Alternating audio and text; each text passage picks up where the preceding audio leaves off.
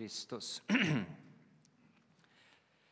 Gud, du som möter oss med välsignelse och helar oss när vi söker dig. Gör oss uthålliga i hoppet, hängivna i kärleken och fasta i tron. I Jesu namn. Hör Herrens ord. Vi lyssnar till denna söndags gammaltestamentliga text från Första Kungaboken 19. Ashav berättade för Isabel allt vad Elia hade gjort, hur han hade dödat alla profeter med svärd. Då skickade Isabel bud till Elia och lät säga Gudarna må straffa mig nu och framgent om jag inte redan imorgon låter dig möta samma öde som dessa profeter. Elia blev rädd och flydde för sitt liv. Han kom till Bersheva i Juda där han lämnade kvar sin tjänare. Själv gick han vidare en dagsled ut i öknen och efter vandringen satte han sig under en ginsbuske och önskade sig döden. Det är nog, sa han. Ta mitt liv, Herre. Jag är inte bättre än mina fäder. Han lade sig ner och somnade där under ginsbusken. Då kom en ängel och rörde honom och sa, stig upp och ät. När Elia såg upp fick han se en glödkaka och ett krus med vatten vid huvudgärden. Han åt och drack och la sig att sova igen. Herrens ängel kom en andra gång och rörde honom och sa, stig upp och ät, annars orkar du inte hela vägen. Elias steg upp och åt och drack och måltiden gav honom kraft att gå i 40 dagar och 40 nätter ända till Guds berg Horeb. Så lyder Herrens ord. Vi lyssnar till denna söndags eh, nytestamentliga text ifrån Första Korinthierbrevet 10, 12-13. Den som tror sig stå stadigt ska se till att han inte faller. Era prövningar har inte varit övermänskliga. Gud är trofast och ska inte låta er prövas över er förmåga. När han sände prövningen visar han er också en utväg så att ni kommer igenom den. Så lyder Herrens ord. Gud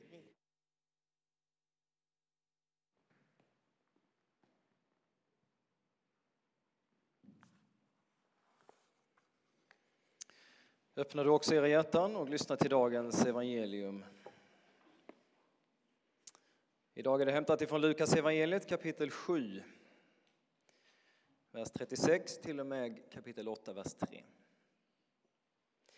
En av fariseerna bjöd hem Jesus på en måltid och han gick dit och tog plats vid bordet. Det fanns det en kvinna i staden som var en synderska. När hon fick veta att han låg till bords i fariséns hus så kom hon dit med en flaska balsam och ställde sig bakom honom vid hans fötter och grät. Hon vette hans fötter med sina tårar och hon torkade dem med sitt hår. Och hon kysste hans fötter och smorde dem med sin balsam. Farisén som hade bjudit honom såg det och sa för sig själv om den mannen vore profet skulle han veta vad det är för sorts kvinna som rör vid honom, en synderska. Och då sa Jesus till honom, Simon, jag har något att säga dig. Säg det, mästare, sa han. Två män stod i skuld hos en penningutlånare. Den ene var skyldig 500 denarer, den andra 50. När de inte kunde betala efterskänkte han skulden för dem båda. Vilken av dem kommer att älska honom mest? Simon svarade, den som fick mest efterskänkt skulle jag tro. Du har rätt, sa Jesus. Och vänd mot kvinnan så sa han till Simon, du ser den här kvinnan. Jag kom in i ditt hus och du gav mig inte vatten till mina fötter, men hon har vett mina fötter med sina tårar och torkat dem med sitt hår. Du gav mig ingen välkomstkyss, men hon har kysst mina fötter hela tiden sedan jag kom hit. Du smorde inte mitt huvud med olja, men hon har smort mina fötter med balsam. Därför säger jag dig, hon har fått förlåtelse för sina många synder, ty hon har visat stor kärlek. Den som får litet förlåtet visar liten kärlek. Och han sa till henne, dina synder är förlåtna. De andra vid bordet sa då för sig själva, vem är han som till och med förlåter synder? Men Jesus sa till kvinnan, din tro har hjälpt dig, gå i frid.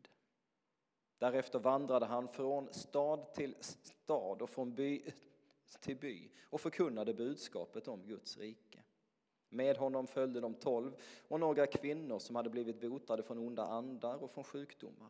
Maria, hon från Magdala, som sju demoner hade farit ut ur. Johanna, hustru till Herodes, förvaltare Kusas, Susanna och många andra som alla hjälpte dem med sina tillgångar. Så lyder det heliga evangeliet. Lovad vare du, Kristus. Och än en gång tackar vi dig Herre för din närvaro här mitt ibland oss. Vi tackar dig för att du har gett oss din heliga Ande. Vi tackar dig för att du har gett oss ditt ord som är levande och verksamt. Och vi ber också denna söndag att du skulle öppna våra hjärtan för ditt ord och ditt ord för våra hjärtan. I Jesu namn.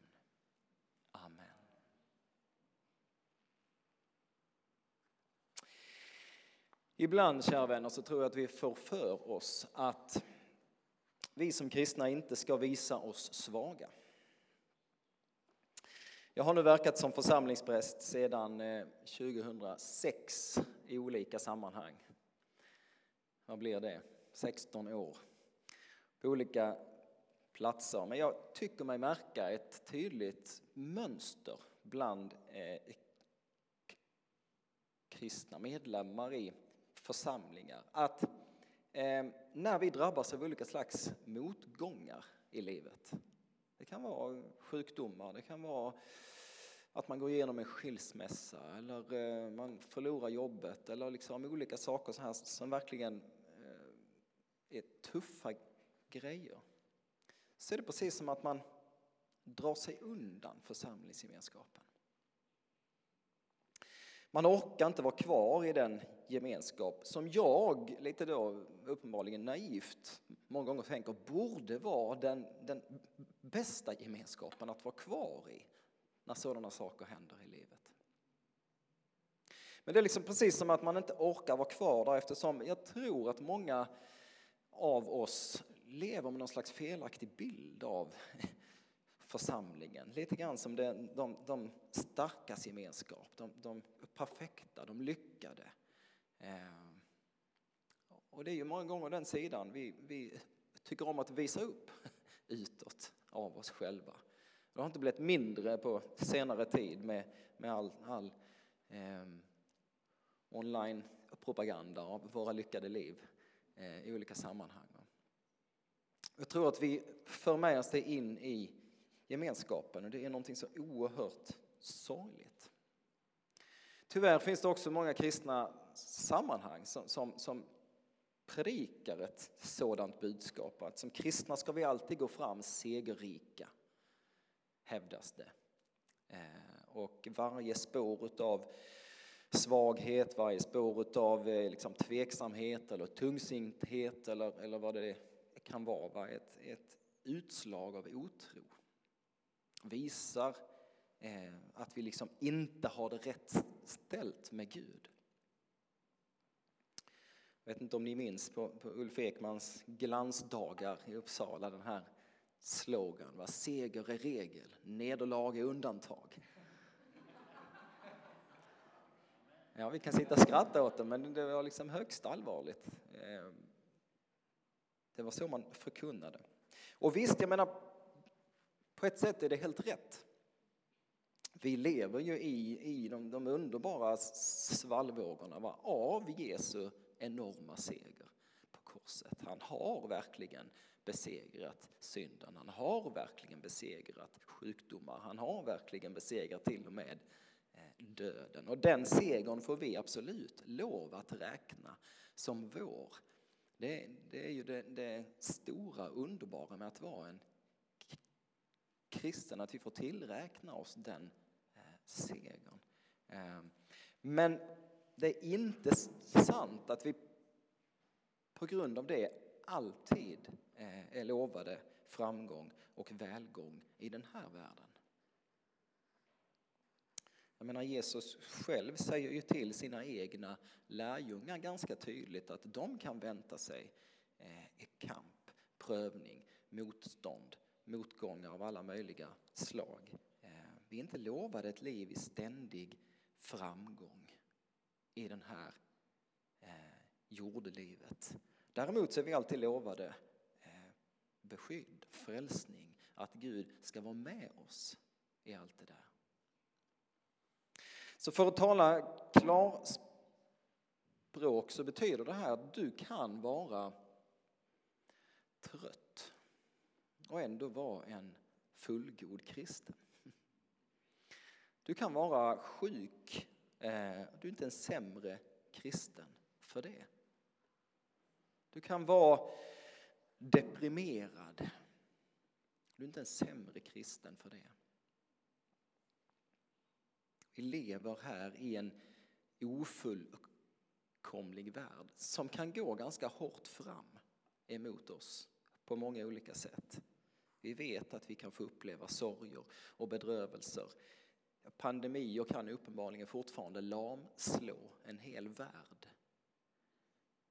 Krig kan uppenbarligen fortfarande komma oroväckande nära våra egna samhällen.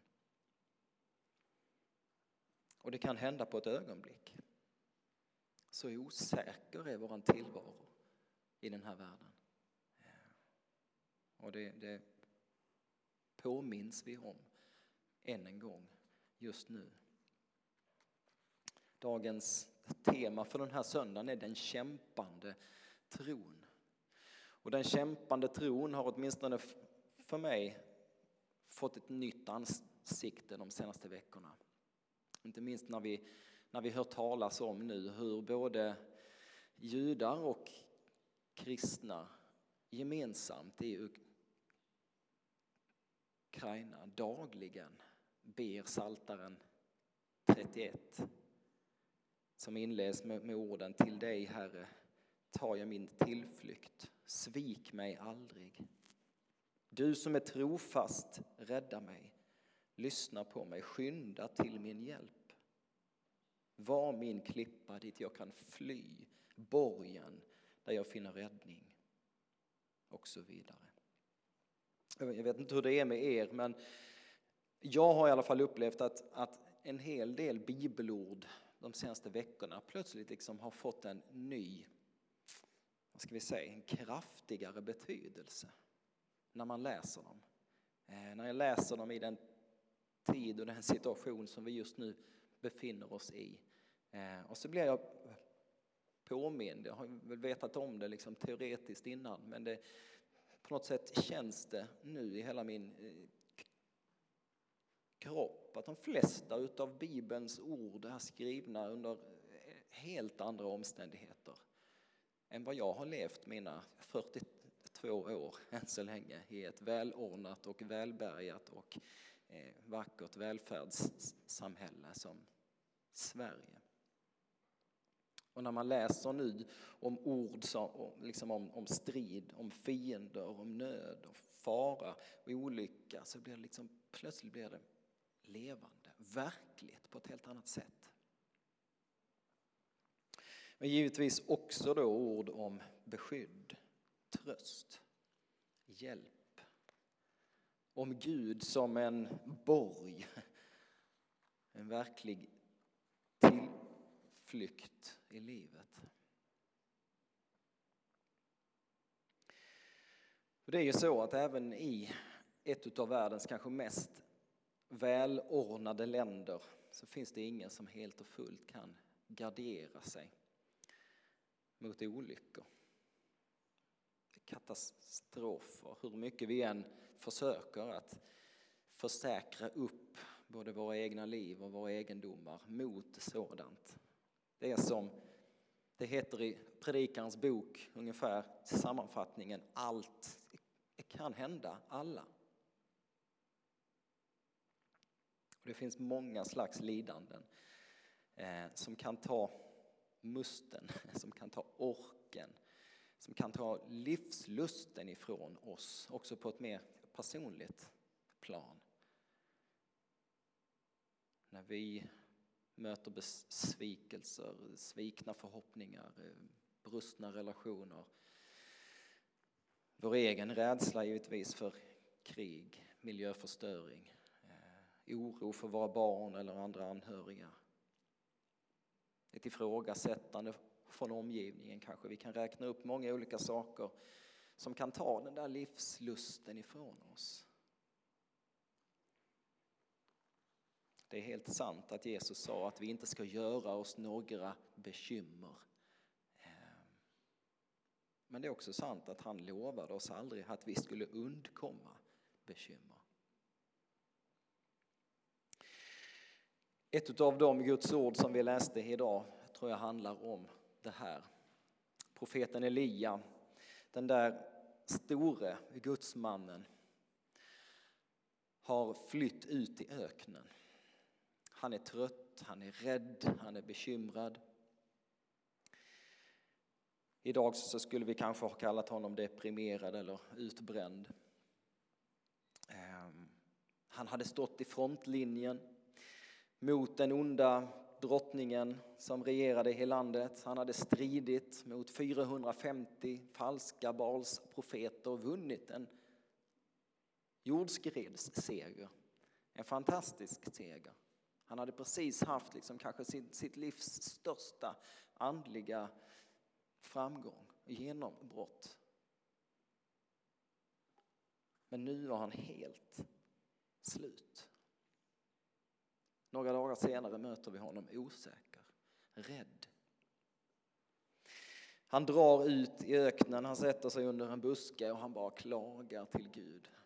Sin stora nöd. Det är nog, säger han. Varför ska jag leva? Ta nu mitt liv, Herre, jag står inte ut längre. Vad är det för mening? Vad är det här för ett liv? Och jag tänker mig att en människa har kommit ganska långt på depressionens väg för att man ska uttrycka sådana ord. Att man önskar livet av sig. Och så faller han ihop där ute och sover en orolig sömn. Men här, mina vänner, så ska vi lägga märke till någonting mycket, mycket viktigt. Och det är att Gud också där ute har hört Elias bönesuckar. Han sänder en ängel till hans sida för att hjälpa honom. Och det är så att varje bön som vi ber den är hörd av Gud. Varje bön. Vi ropar aldrig bara ut i det tomma intet. Och jag vet att det kan kännas så många gånger. Det kan upplevas så många gånger som att vi gör det. Men det är aldrig så. Guds öron är ständigt öppna för hans barns rop. Och det gäller inte minst när de ropas i tider av nöd eh, och sorg och ett trångmål. Och Gud hör Elias rop och han kommer till honom vid det här tillfället. Men Elia är liksom så illa däran. Han, han är deprimerade människor sover liksom helst. Va? De vill inte, så ängeln får liksom ruska i honom, va? Ett, ett tag i honom. Och putta på honom för att han ska överhuvudtaget vakna upp. Ehm. Han har liksom svårt att se hjälpen. Deprimerade människor har ofta det. Svårt att se hjälpen. De vill inte stiga upp. Men ängeln ger sig inte och dukar upp en, en hemlighetsfull mål, tid vid hans bädd där ute i öknen.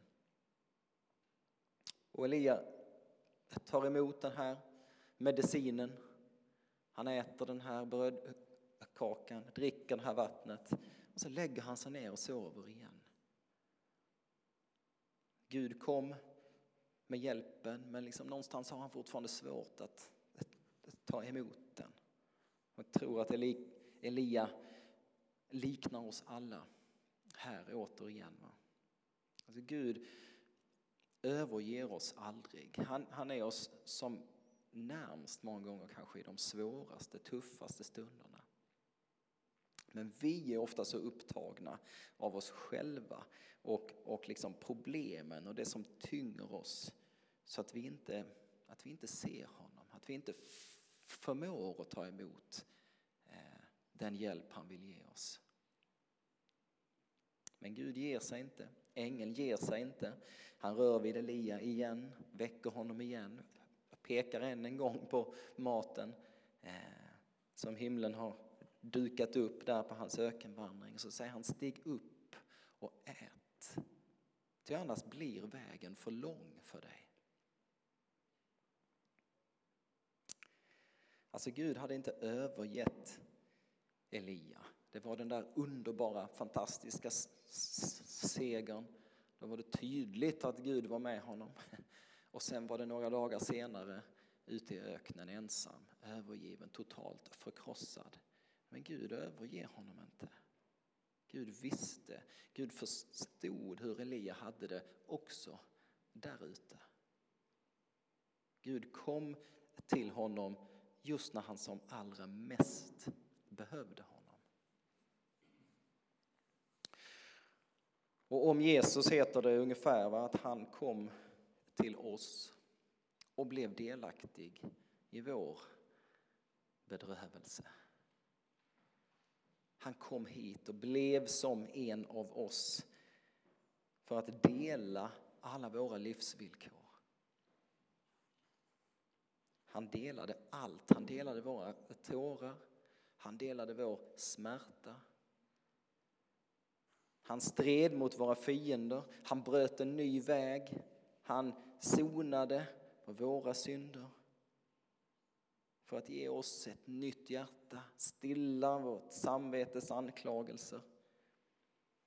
Profeten Jesaja skriver om honom flera hundra år tidigare. Vad våra smärtor, de la han på sig för att vi skulle få frid. Men liksom Elia hade svårt att se den där hjälpen när den ställdes fram inför honom så är vi många gånger minst lika blinda. Många människor sänder ut bönesuckar men vi liksom orkar inte vänta på bönesvaret. Vi ser inte att Gud hela tiden hör våra böner. Hur Gud hela tiden kanske öppnar nya vägar, nya möjligheter för oss. Men vi stirrar oss så blinda på problemen många gånger att vi inte ser lösningen. Vi ser inte att Gud har hört dem, att Gud vill hela oss. Vi ser inte de där måltiderna som Gud har dukat upp utefter vägen. Rastplatser som vi behöver för att nå fram till målet att hitta hem. Stå upp och ät, säger Gud. Annars orkar du inte hela vägen.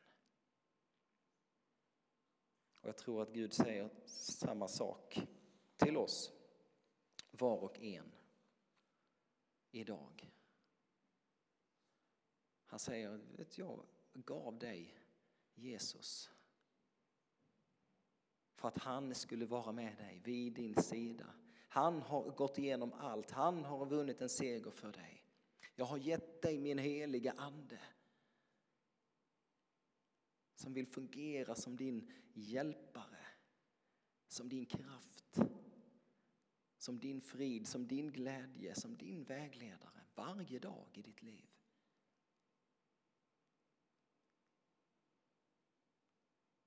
Därför behöver vi inte sörja, skriver Paulus, som de som inte har något hopp. Psalmisten David skriver tusen år tidigare, om du än vandrar i dödsskuggans dal behöver du inte frukta något ont, för jag är med dig. Min käpp och min stav, de ska trösta dig. Gud säger detta till dig i sitt ord. Du är aldrig ensam.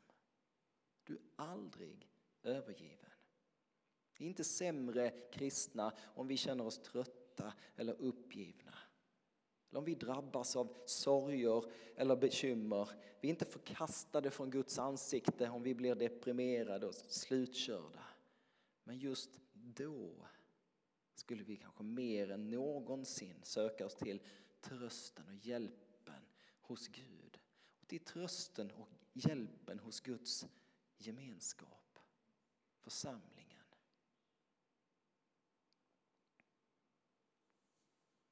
Och så tror jag att det egentligen bör vara så att medan vi ännu har kraft, medan ännu allting fungerar som det ska så att säga. Det är ju då vi behöver rusta oss. Så att den som tror sig stå stadigt ser till så han inte faller. Som vi läste i dagens episteltext.